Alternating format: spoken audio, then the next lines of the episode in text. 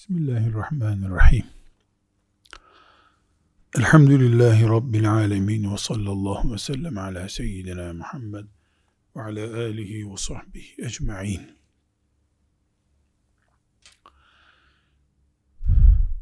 Kur'an-ı Kerim'in bizden önceki milletler insanlar hakkında anlattıkları kıyamete kadar bütün insanlık için Allahu Teala'nın hüccetidir. Ne demek hüccetidir? Kıyamet günü önlerine çıkaracağı belgedir. Size anlatılmıştı. Örnek gösterilmişti. Denecektir. Dolayısıyla bizim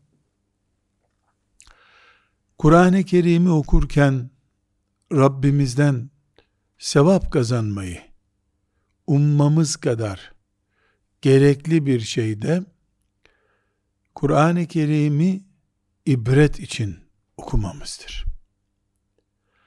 Bu ibret okumamız bizim daha iyi Müslüman olmak, Allah'ı, yaratılma gayesini, sonumuzu anlamak bakımından gayet önemli bir noktada duruyor. Şu dünyada Kur'an-ı Kerim indiğinden beri namazda daha çok okunan Fatiha ve Fil suresinden aşağı olan bölümler hariç herhalde Yasin-i Şerif kadar okunan bir suresi yoktur.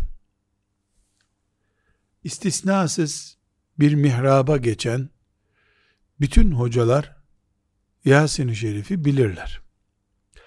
Onu hastaya okurlar, mezarda okurlar, zamm-ı sure olarak okurlar. Yasin-i Şerif kadar çok okunan ve merak edilen bir sure herhalde yoktur. Büyük camilerde Fatih Camii gibi büyük camilerde raflarda duran mushaflar, Kur'an-ı Kerimler alınıp incelendiğinde Yasin sayfasının kenarlarının yırtılmak üzere olduğu görülür. Çünkü camide Kur'an okuyayım diye birisi musafı alınca hemen açacağı yer neredeyse Yasin sayfasıdır. Yasin çok okunur. Hadis-i şerifler var. Yani böyle olması zaten gerekiyor. Keşke her tarafı musafın eskiyecek kadar okunabiliyor olsaydı ne büyük nimet olurdu. Yasin'in ikinci sayfası bizim musaf dizilişine göre وَضْرِبْ لَهُمْ مَثَلًا أَصْحَابَ الْقَرْيَةِ اِذْ جَاءَهَا الْمُرْسَلُونَ diye başlayan ve üçüncü sayfanın birinci ayeti وَمَا أَنْزَلْنَا عَلَى قَوْمِهِ diye başlayan sayfa bu bir olayı anlatıyor. Bu olay da bütün Müslümanları şüphesiz ilgilendiriyor ama hocalarla ilgili bir olay bu. Şimdi inşallah teberruken Allahu Teala kalbimize bir huzur, bir heyecan akmasına vesile olsun diye bereket umarak e, mealini okuyacağız. Ama şu وَضْرِبْ لَهُمْ مَسَلًا أَصْحَابَ الْقَرْيَةِ ayetlerini keşke imkan olsa da bir köye, bir camiye imam olarak tayin edilen hoca efendi üzerinde psikologlar, pedagoglar bu Yasin-i Şerif'in 13. ayetinden itibaren başlayan bu ayetleri ezber biliyor, imam oluyor zaten. Talimin tecvidine göre de okuyor. Ona bir şey demiyoruz. Ama keşke hazmetmiş mi diye test edebilsek. Bir hoca için insanlara Allah var, ahiret var diyen bir görevli için bu ayetler, Yasin-i Şerif'in bu ayetleri kesinlikle ölçüdür. Yani bu ayetleri anlamış, hayatını ona göre şekillendirmeye hazır olmuş birisinin biiznillahü teala akıbeti hayırdır. O meslekte, o yapacağı işte. Olayın özeti şu şekilde. Allahu Teala bir şehri örnek saysan ashabına, Müslümanlara anlat. وَالْضُرِبْ لَهُمْ meselen örnek anlat demek buyuruyor. Bu şehrin Antakya olduğu rivayet edilir ama biraz sonra göreceğiz. Antakya olması veya olmaması çok önemli değil. Hangi yılda olduğu olmadığı önemli değil. Olayın faillerinin isimleri nedir önemli değil. allah Teala o şehre iki tane peygamber elçi gönderdiğini buyuruyor. İki tane elçi geliyor, onları dine davet ediyor.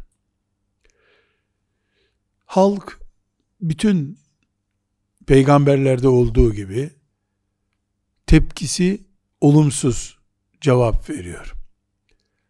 Siz kimsiniz? Siz de bizim gibi insansınız. Nereden size Allah bir şey söyledi gibi özeti bu olan cevaplar veriyorlar. Onlar da yapmayın, etmeyin diyor. Sonra içlerinden biri o şehrin halkından biri çıkıyor, geliyor. Bu peygamberlerin dediğini kabul ediyor, iman ediyor. O iman edince halk toplanıp onu öldürüyorlar. Yani halkın birliğini bozdun. Bölücülük yaptın gibi bir ifadeyle. O insan iman ediyor. Onları da imana çağırıyor. O esnada Allahu Teala onu cennete kabul buyurduğunu söylüyor ayetlerde. Okuyacağız şimdi. Halk dönüyor o peygamberlere siz ne uğursuz adamsınız. Uğursuzluk getirdiniz bize diyor. Onlar da sizin uğursuzluğunuz sizsiniz zaten diye tembih ediyorlar. Ala kulli hal allah Teala buyuruyor ki o yöreye biz gökten bir ordu indirmedik diyor. Gökten bir ordu indirmeye bile gerek kalmadan kül oldu hepsi gittiler diyor. Helak oldu gittiler diyor. Bu ayetlerin mealini okuyayım topluca. Ondan sonra üzerinde bugün bizim Müslümanlar olarak ve Allah'a insan çağırmak diye derdi olanlar olarak dinimiz kaybolmasın, erimesin, nesiller İslam'dan, imandan kopmasın diye heyecanı olanlar olarak hepimize ders çıkacağını umuyorum. Onlara malum şehir halkını örnek göster. Oraya elçiler gelmişti. Biz kendilerine iki kişi göndermiştik ama ikisini de yalancılıkla itham ettiler. Bunun üzerine bir üçüncüyle destekledik. Onlar biz size gönderilmiş elçileriz dediler. İnsanlar ise şöyle karşılık verdiler. Siz de ancak bizler gibi insanlarsınız. Hem Allah herhangi bir şey indirmiş değildir. Siz sadece yalan söylüyorsunuz. Onlar dediler ki, Rabbimiz biliyor ki, biz gerçekten size gönderilmiş elçileriz. Bize düşen açıkça tebliğ etmekten ibarettir. Kafirler şu karşılığı verdiler. Doğrusu sizin yüzünüzden üzerimize uğursuzluk geldi. Eğer vazgeçmezseniz biliniz ki sizi taşlayacağız ve tarafımızdan size acı veren bir işkence yapılacaktır. Onlar da dediler ki, uğursuzluğunuz kendinizdendir. Size öğüt verildi diye böyle mi yapacaksınız? Hayır, siz sınırı aşmış bir topluluksunuz. O sırada şehrin öbür ucundan bir adam koşarak geldi. Şöyle dedi o adam. Ey kavmim, bu elçilere uyun. Sizden bir ücret istemeyen o kimselere tabi olun. Onlar doğru yoldadırlar. Hem ne diye beni yaratan ve sizin de dönüp kendisine varacağınız Allah'a kulluk etmeyeyim ki? Hiç ondan başka mabut edinir miyim ben? Eğer Allah bana bir zarar vermek isterse, onların şefaati bana hiçbir yarar sağlamaz ve onlar beni kurtaramazlar. İşte o takdirde başka bir ilah edinirsem ben apaçık bir sapıklık içine düşmüş olurum. O üçüncü kişi konferans veriyor şimdi. Onlar onu taşlıyorlar. İşte ben Rabbinize iman etmiş bulunuyorum. Bana kulak verin. Ona bunu söyleyince ona melekler cennete gir dedil, dediler. Rabbimin beni bağışladığını ve güzel biçim, biçimde ağırlananlardan eylediğini keşke kavmim, kavmim bilseydi dedi adam.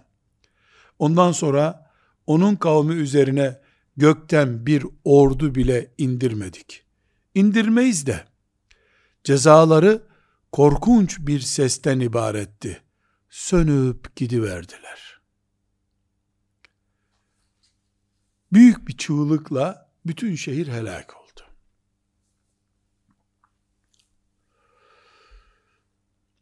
Bu ayetler ey insanlar içki içmeyin, faiz yemeyin diyen herkesin anayasasıdır. Bu bir anayasadır. Hocalığın kanunudur bu. Bir kişi gelir sana. O bir kişiyi de melekler bağrına basar adeta. Burada adam bu saatte iman etmiş. Sen nasıl bizim şehrimizi de bölücülük yaparsın diye adamı öldürmüşler. Adam öldürülürken konferans veriyor. Briefing veriyor. Yıllardır sanki peygamber eğitimi görmüş gibi. İman böyle bir şey. İman anında devreye giren bir enerjinin adıdır. Elhamdülillah. Bunu biz ashab-ı kiramda görüyoruz. Dün Müslüman oluyor, bugün ordu teslim alıyor peygamberden sallallahu aleyhi ve sellem. Bu ayetleri bundan sonra inşallah Yasin-i Şerif okurken ve dinlerken bu heyecanla dinlersek biiznillahü teala üzerimizde ciddi etkisi olur. Buradan çıkacak dersler var. Birinci ders bu ayetlerden Peygamberler insanların iman etmelerini sağlamak için gönderilmemiştirler. İnsanlara iman emrini ulaştırmak için gönderilmiştirler. O yüzden Resul diyoruz. Ne demek? Elçi, taşıyıcı. Nebi diyoruz. Ne demek? Haber getiren demek. çok önemli. Peygamberler insanlara siz Müslüman olacaksınız yoksa buradan gitmiyoruz deyip uygulama yapmak için gönderilmediler. O ma aleyna illel belagul mubin diyor buradakiler. Bizim vazifemiz size bunu anlatmaktı. Biz anlattık. Siz ne yaparsanız yapın. Ma aleyna illel belagul mubin. 17. ayeti mübarek sure-i celilenin. Aynı şekilde peygamberlerin varisleri durumunda olan alimler, şeyhler, cami imamları, muallimler, kimse, kim kendini o konumda görüyorsa, kulağından tutup insanları sabaha kadar namaz kıldırmayı sağlayacak hale getirmekle yükümlü değildirler. Peygamberler ne, ne ile yükümlü idi ilese onlar da onlarla yükümlüdürler. Peygamberlerin misyonu neydi? وَمَا عَلَيْنَا اِلَّا الْبَلَاهُ الْمُب۪ينَ Biz tebliğ ediyoruz. Size bu sesi ulaştırıyoruz. Ne yaparsanız yapın siz. Bu bir rahatlama. Ne yapalım insanlar kılmıyor namaz. Faiz alıyorlar. Deme gerekçesi mi? Yoksa yıllara ve olaylara takılmadan ilk heyecanla çalışmaya devam etmenin sebebi mi? Bu çizgi çok önemli. Şimdi bu ayeti okuyup e, benim vazifem anlatmaktır canım deyip bir kenara mı bırakıyorsun? Yoksa o başkasının görevi. Kalpler Allah'ın elinde. Ben vazifemi yapıyorum. bir senedir bu köydeyim. On nüfus var. Her hafta üçer kere gittim hepsine. Tamam. Sen peygamberlerin yolundasın. Bunu söyleme hakkın var. Kimse iman etmiyor. Etmesi etmesin. Bana ne? İmanlarını toplayıp benim bahçemde e, pırasa olarak dikeceğim mi bunları sanki? Benim vazifem. Onların iman etmesini sağlamak değil. Kıyamet günü onların biz Allah var sözünü duymamıştık kimseden demelerini engellemek. Bir köyde, bir şehirde, bir okulda, bir camide, bir kamera önünde hocanın vazifesi insanların topluca Allah'a dönmelerini sağlamak değil, kıyamet günü konuşacak söz hakkı bırakmamak onlara. Bunu bilince peygamber tam 950 sene bıkmadan aynı şeyi söyler. Toplantıya kaç kişi geldi? İstatistiği yapmakla görevlendirilmiş birisi de e geçenki toplantıda 20 kişiydi sen hala 20 kişiyle toplantı yapıyorsun diye kahar olmak zorunda. Matematiğe takılmak veya yaratılış, gönderiliş sebebini anlamak arasındaki fark bu. Sayılarla işimiz yok. Allah'ın mağfireti ve rahmetiyle işimiz var. Kuralı tekrar ediyoruz. Bu surenin bu ayetlerinden anlaşılıyor ki Allah'ın peygamberleri insanların hidayete gelmeleri, yüzde yüz iman etmelerinin görevlileri değiller. Allah'ın sesini insanlara ulaştırmak ve insanların konuşma hakkını kapatmak için varlar. Devletin memuru, maaşlı memuru ise bir insan, mantığı bu kadarsa, bu söz onun için geçerli değil. Bulunduğum makamda her ne kadar layık bir devletten görevlendirilmiş bulunsam bile, esasen Resulullah sallallahu aleyhi ve sellemin vekaletini burada bulunduruyorum ben diyorsa konumu budur. Kim kıldı kılmadı seni ilgilendirmiyor. 15 senedir burada mısın sen? İlk geldiğin günkü heyecanın devam ediyor mu? Ediyor. Aksatıyor musun? Hayır. Sen kazandın. Elhamdülillah. Kıyamet günü kazananlardansın. Peki e, beş kişinin de namaza başladığını göreyim. Belki iki asır sonra görülecek o. Sen o tohumun çürümemesi için orada bekliyorsun. Nöbetin bu senin. Bu mantıkla bakıyoruz. Bu ayetler muhteşem bir görüntü daha sergiliyor. Adama ulan sen bizim şehrimizde birliği böldün, parçaladın, vatan haini denince ve adam kılıcı boynunda görünce o da keşke kavmim aklını başına alsa da ya leyte kavmi ya'lemun ya bu, bu millet biraz akıllansa be diye hala ümmetinin insanların derdiyle dertlenen ölüyor adam ölüyor. Belki de nabzı düşmeye başlamış, kanı akıyor.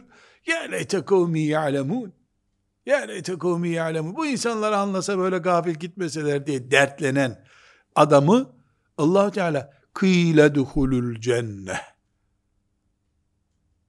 Adamın mezarı kazılırken ona sen cennete gir dendi diyor ayet. Yasin-i Şerif suresinde. Şu mezarlıklarda okuduğumuz ayetler. Kıyle dukulul cenne. Adam aslında mezara giriyor. Ama ayet ona sen cennete gir dendi diyor. Kıyle dukulul cenne. Kıyle dukulil cenne. Cennete gir dendi ona diyor. Çok açık ve çezik bir şekilde bu şekilde Allah'a davet üzere ölen bir insanın cennetlik biri olduğunu hemen anlamış oluyor. Adam çünkü 10 sene medrese görmüş bir adam değil. Adam peygamber değil. Ya adam köyüne gelen, şehire gelen peygamberlere iman etmiş birisi ve o gün öldürülüyor adam. Derdi İslam, insanlar olan birisi Allah'ın izniyle ölür ölmez kazanıyor demek. Ama burada çok önemli, muhteşem bir ders daha var. Adam mezara konurken ayet o mezarın ismini ne olarak anıyor? Kıyle udhul el cenne. Adamı mezara koyuyorlar ama ayet cennet diyor o mezar için. Çünkü kıyamet kopmadı ki adama cennete gir deniyor olsun. Bu cennete gir sözü Müslümana nerede denecek? Udhuluha bi selamin aminin. Cennetin kapısına geldiğinde buyurun denecek. Tıbtum fedhuluha halidin. Cennete gir, kıyamet günü olacak. E bu olay ne zaman olduğunu bilmiyoruz ama çok büyük ihtimalle Resulullah sallallahu aleyhi ve sellem'den 500-600 sene önceki bir olay. Henüz kıyamet 2000 sene oldu daha kopmadı. Bu adama nasıl cennete gir dendi? Gir deniyor, gireceksin de denmiyor. Mezara konurken adama cennete gireceksin buradan, yolun cennettir denmiyor. Gir cennete deniyor. Demek ki cennet oluyor kabir. Tıpkı cehennem olduğu gibi. Firavun'la ilgili ayeti de Kur'an-ı Kerim nasıl anlatıyor? Sabah akşam ona ateşini tattırıyoruz diyor. E Firavun nerede şimdi? Firavun nerede? Kıyamet koptu. Cennete cehenneme girenler girecekleri yere girdiler diye bir şey olmadı ki.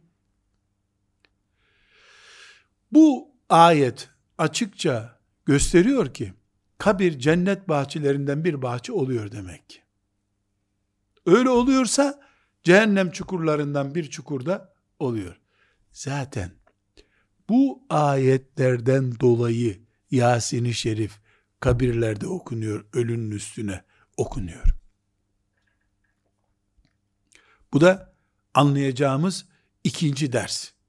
Kıyle dukulil cenne. Adam cennet diye müjdeyi alıyor. Arkasından son nefesinde söylediği şey Kâle ya leyte kavmi ya'lemun. Ya leyte kavmi ya'lemun. Şu millet bir anlasa ya ne kadar güzel bir şey İslamiyet.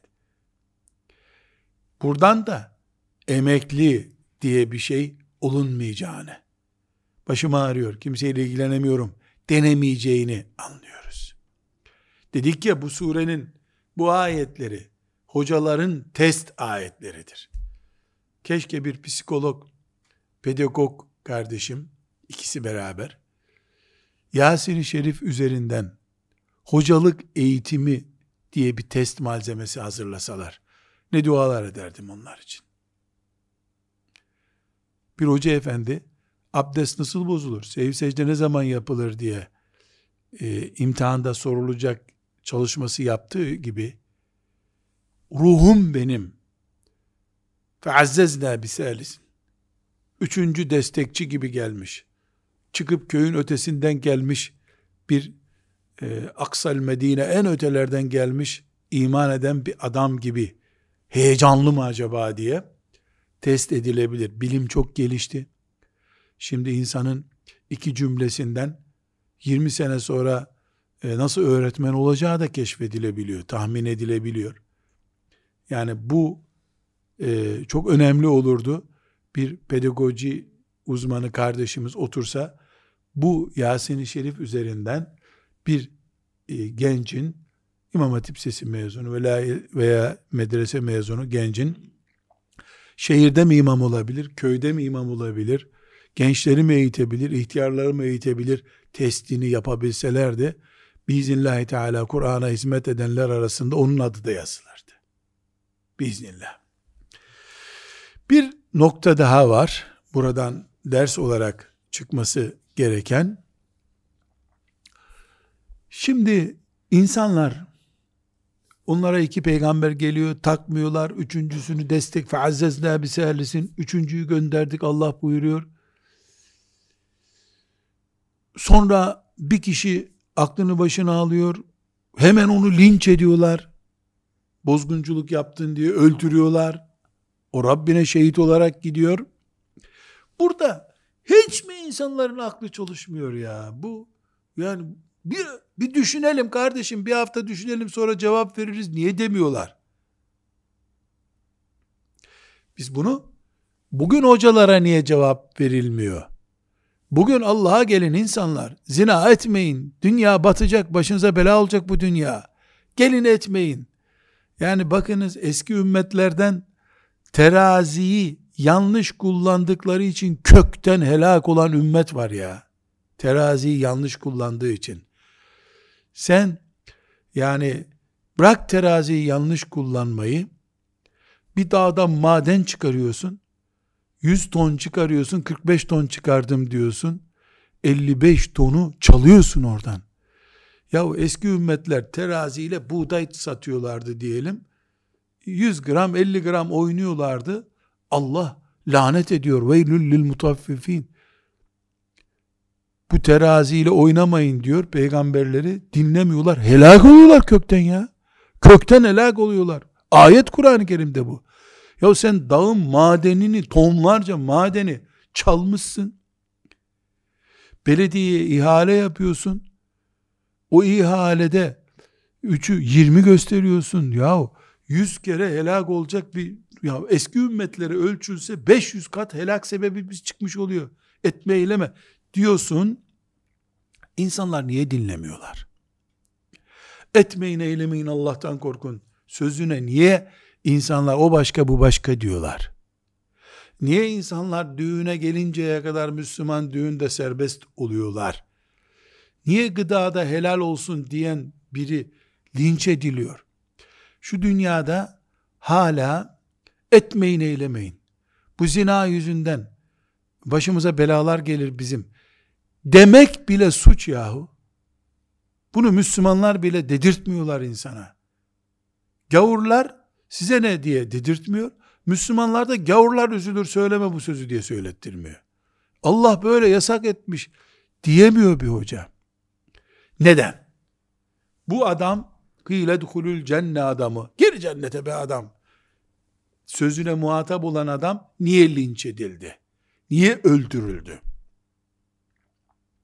Biz bu ayetleri bugün hocalara, öğretmenlere, muallimlere, vakıf başkanlarına ders olsun. Diyanet görevlisi, arkamda diyanet var, devlet var, e, diye rahat etmesin bir dünya psikolojisi var. Bir sosyolojik bir realite var bu dünyada. Ona göre sen kendini hazırla diye ders olsun maksadıyla öğreniyoruz ya. Hoca şunu bilecek. Anne baba da çocuk yetiştirirken bunu bilecek. Bir yerde eğitim görevlisi olan, yönetici olan biri de şunu bilecek. İnsanlar gücün kölesidirler. Güce köle olurlar. Allah'a hakkıyla iman eden birisi, en büyük güç olarak Allah'ı gördüğü için, o ne ölümden korkar ne bir şeyden korkar. Peygamberlerin yakaladığı, sıddıkların yakaladığı, sulahanın, evliyanın yakaladığı nokta budur işte. Her insan korkar ama. Kendinden üstünden korkar. Güçlüye teslim olmak ister. Allah'ı daha ötesi olmayan bir güç olarak gördü mü bir mümin, onun hiçbir derdi yok demektir. Çünkü o rahat artık.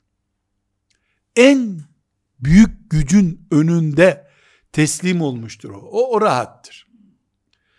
Fakat imanı olmayan ben güçlüyüm diye kim hissettiriyorsa ondan korkar. Bu bazen devletin şemsiyesi altına gizlenmiş güçler olur. Bazen bir tık aşağıda para sahipleri olur. Köy ağası olur. Kulüp başkanı olur. Yönetici olur. Temel sorun her şey Allah'ın bu dünyada diye amentü billah deyip rahat etme sorunu mu? Veya Allah'tan aşağıda aslında kendileri de yok hükmünde olan, yarın yok olacak olan fanileri güç kabul etmek midir?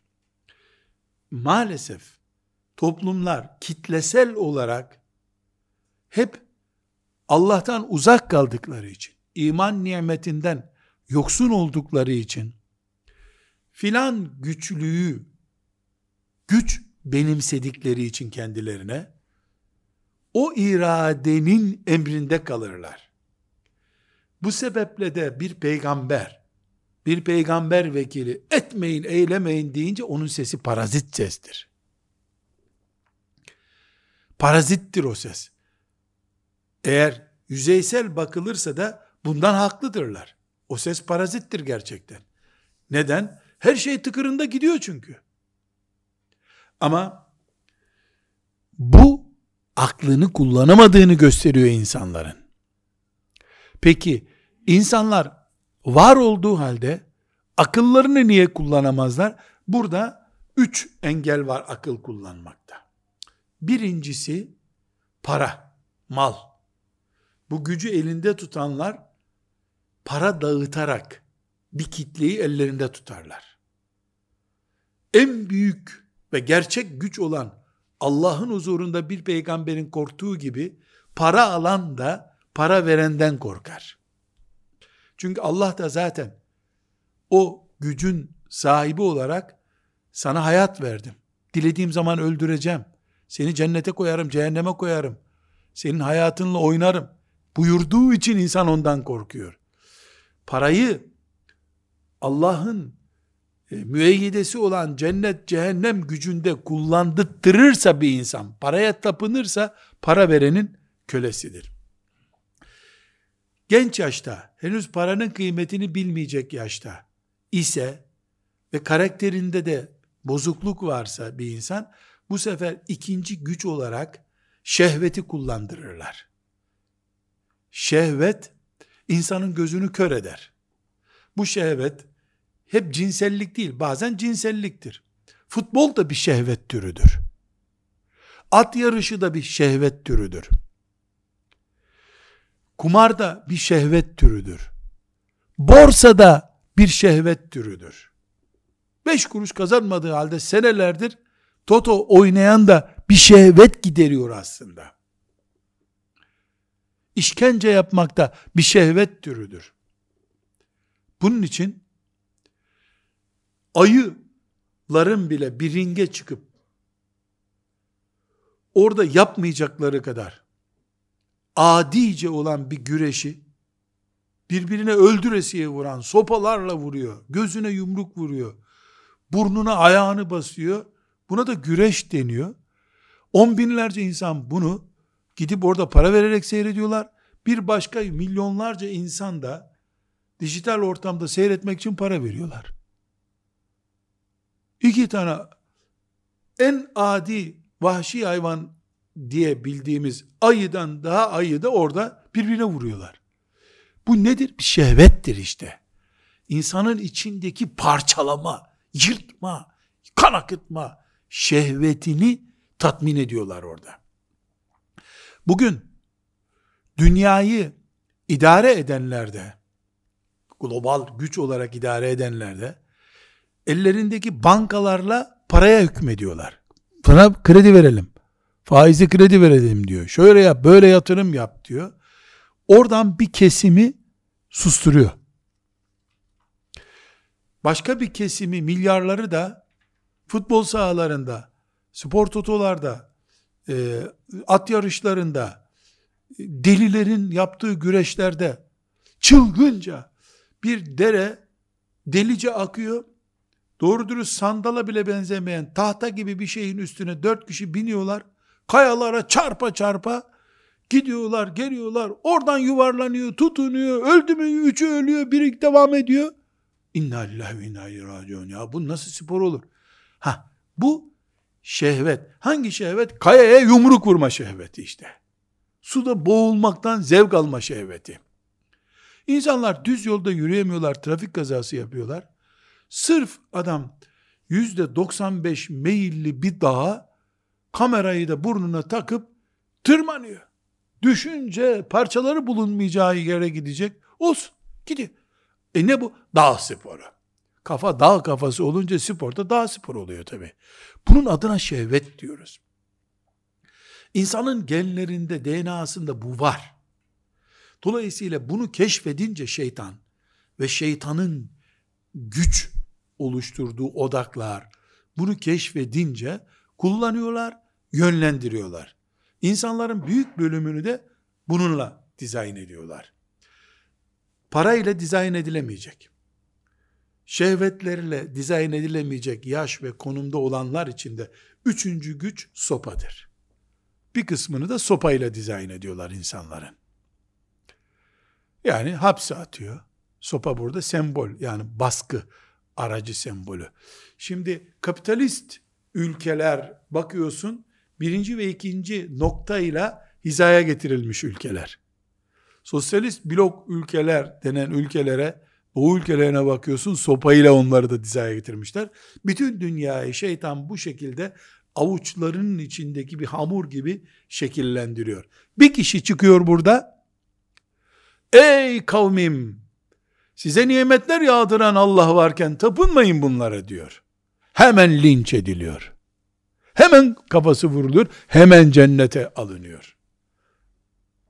İşte hoca, hoca o bir kişiye talip insanın adıdır. O bir kişiye taliptir o. Milyonlara talip değildir. Çünkü milyonlar, kalabalıklar ya birinci güç paranın, para mal tabi burada para derken nakit parayı kastetmiyorum, malı kastediyorum. Paranın hegemonyasında eriyip gitmişlerdir. Daha büyük bir kesimi gençlerdi vesaire şehvetlerde eriyip gitmişlerdir. Laf anlamayanlar da sopayla hizaya gelmişlerdir. Onların ve onların içinden birer tane genç çıkacak. O genç yeryüzü bataklığından başını kaldırıp ta arşa kadar uzanacak mübarek bir gençtir. Köyde, şehirde, İstanbul'da, Bağdat'ta, Yemen'de, Cidde'de, Mekke'de, Medine'de Allah demekle görevli olduğunu düşünen her görevlinin hedefi o gençtir. O bir kişidir. Bir kişidir. O bir kişi ne zaman gelecek? Onu sadece Allah bilir. Gelmese de o o bir kişinin peşindedir. Gelirse de onu alır başının üstüne koyar. Burada bu sureden çok büyük dersler çıkıyor. Bu bölümden onlarca ders çıkıyor. Ben hızlı bir şekilde e, bu e, konuyu özetleyeyim. Yoksa çok fazla uzatmamız gerekecek. Burada bu surenin وَضْرِبْ لَهُمْ مَثَلًا أَصْحَابَ الْقَرْيَةِ وَمَا أَنْزَلْنَا عَلَى قَوْمٍ مِنْ بَعْدِ مِنْ جُنْدٍ مِنَ السَّمَاءِ وَمَا كُنَّا مُزِنِينَ اِنْ كَانَتْ اِلَّا صَيْحَةً وَاحِدَةً هُمْ خَامِدُونَ Bir çığlıkla bitti hepsi. Kül oldular Allah buyuruyor kül. Yani cesetleri kaldı. Ceset de kalmadı. Kül olup gittiler hepsi. Burada çok hızlı bir şekilde şu sonuçlar var. Bir, hoca kendisini peygamber misyonunun sahibi görmüyorsa bu işten emekli olsun. Müslümanları da boşuna oyalamasın. İki, her şeye rağmen kafasında kılıcın izi çıkmış adamın derdine bak. Ey kavmin bir şey anlasanız ya etmeyin eylemeyin diyor. Demek ki burada Allah bize çok açık bir şekilde hocaysan, Allah'a davet ediyorsan her şeye olumlu bakacaksın. Bitti, tükendi yok sana göre. Bitmek, tükenmek yok. Çünkü senin davan Allah'ın davasıdır.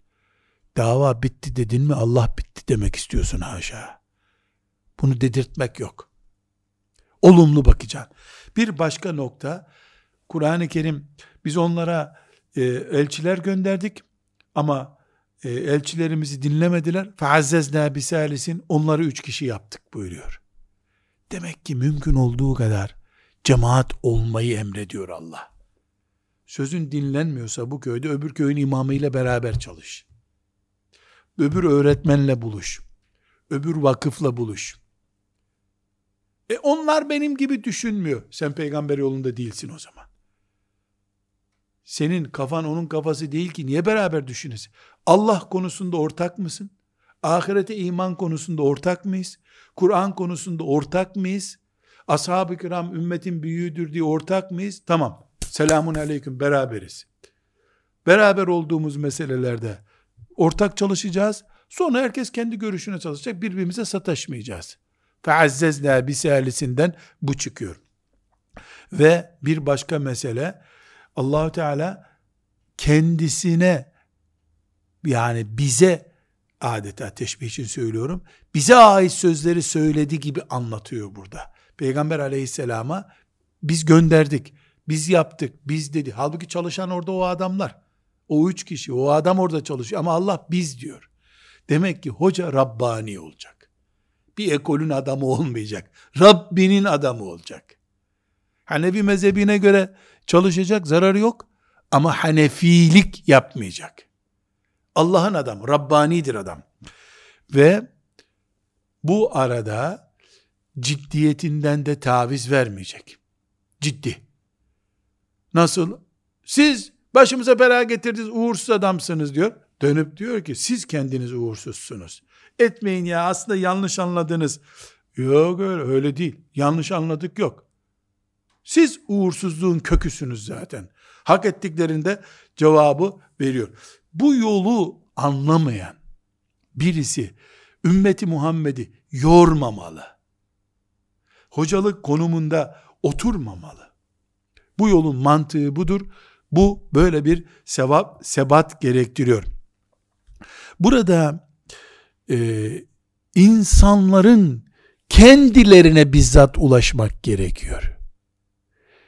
Bu kitapla, videoyla, her şeyle olur.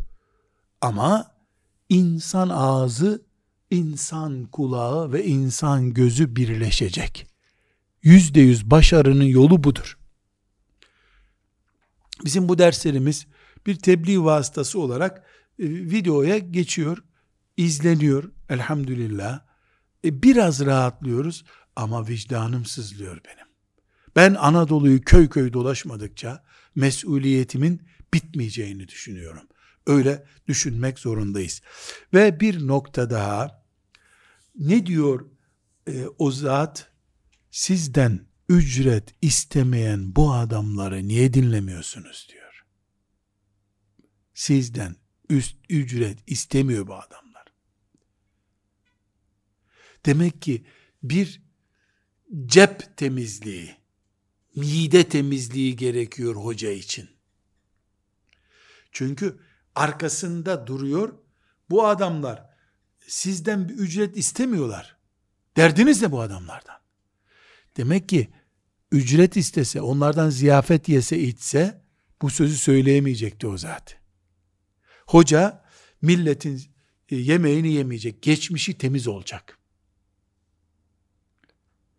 Yediğinden fazlasını yedirecek. Sosyallik gereği bazen yemek yiyebilir. Ama yediğinden fazlasını yedirerek muhtemel açılacak ağızları kapattırmak zorundadır.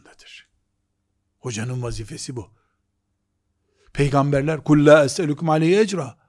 De ki ben sizden ücret istemiyorum. Peygamberliğin temel karakteridir bu. Bu sebeple benim kanaatim 1970'li yıllara kadar Türkiye'de imamlar köy halkından, derneklerden maaş alırlardı. Elhamdülillah layık bir devlet 200 bine yakın diyanet görevlisine öğretmene verdiği maaş gibi belki ondan da bir miktar fazla maaş veriyor şu anda. Dolayısıyla halka bizim mısırımızı vermezlerse ne yaparız diye bir endişeyle bakmıyor imam. Bu dönemin imamlık görevini taşıyanların 20-30 sene önce veya 50 sene önce o dediğim dönemde imam olanlara göre mesuliyetlerinin kat kat daha fazla olduğunu, kıyamet günü işlerinin çetin olduğunu zannediyorum. Gaybı bilecek halim yoktur. Bu ayetler bize taşınırken, Rabbimiz bize aktarırken bir mesaj daha veriliyor. Hoca, muallim, vakıfçı adı neyse yaşadığı toplumu iliklerine kadar tanıyacak. Nasıl çıkıp uğursuzluğunuz sizde, siz sahtekarsınız. Bizim anlatımımızda bir sorun yok. Dediler. Neden? Toplumu tanıyor çünkü. Hokkabaz olduklarını biliyor. Ya etmeyin, gelin konuşalım bu açık bir oturum yapalım filan demiyor. Toplumu nerelerden ayağa kayıyor? Teknolojiden mi? Okullardan mı? Çarşılardan mı? Aile mi bozuldu? Ayrıntılarına elbette bir sosyolog gibi toplumu tahlil edemez. Ama temel mantığıyla toplumun ana sorunlarını bilen birisi çıkıp kameraların önünde, mikrofonların önünde konuşmalı. Altı asır öncesinin kültürüne göre konuşamazsın. Asırlar öncesinin Kur'an'ıyla bu asrın sorunlarını çözmek zorundayız. Kur'an değişmeyecek ama sorunlar her gün değişiyor. Kılıf değiştiriyor. Virüs gibi her gün yeni bir şekil alıyor bu mikroplar. Dolayısıyla e, yaşadığı toplumun gerçeklerini bilen birisi olarak kameraların, mikrofonların karşısına geçmek gerekiyor. Allah'tan niyazım odur ki bu mübarek sure-i celileyi okuduğumuzda bu ayetleri evde babayım hocayım çünkü ben. Hadi cami hocası değilim, evin hocasıyım. Bu ayetleri ben anneyim. Tamam, hoca hanım değilim ama anneyim. Bu ayetleri e bir sürü torunlarım var. Onlar elimi öpmeye geldiğinde ben konuşabilirim. Mantığıyla okumak, dinlemek Allah bize kolay etsin. Velhamdülillahi Rabbil Alemin.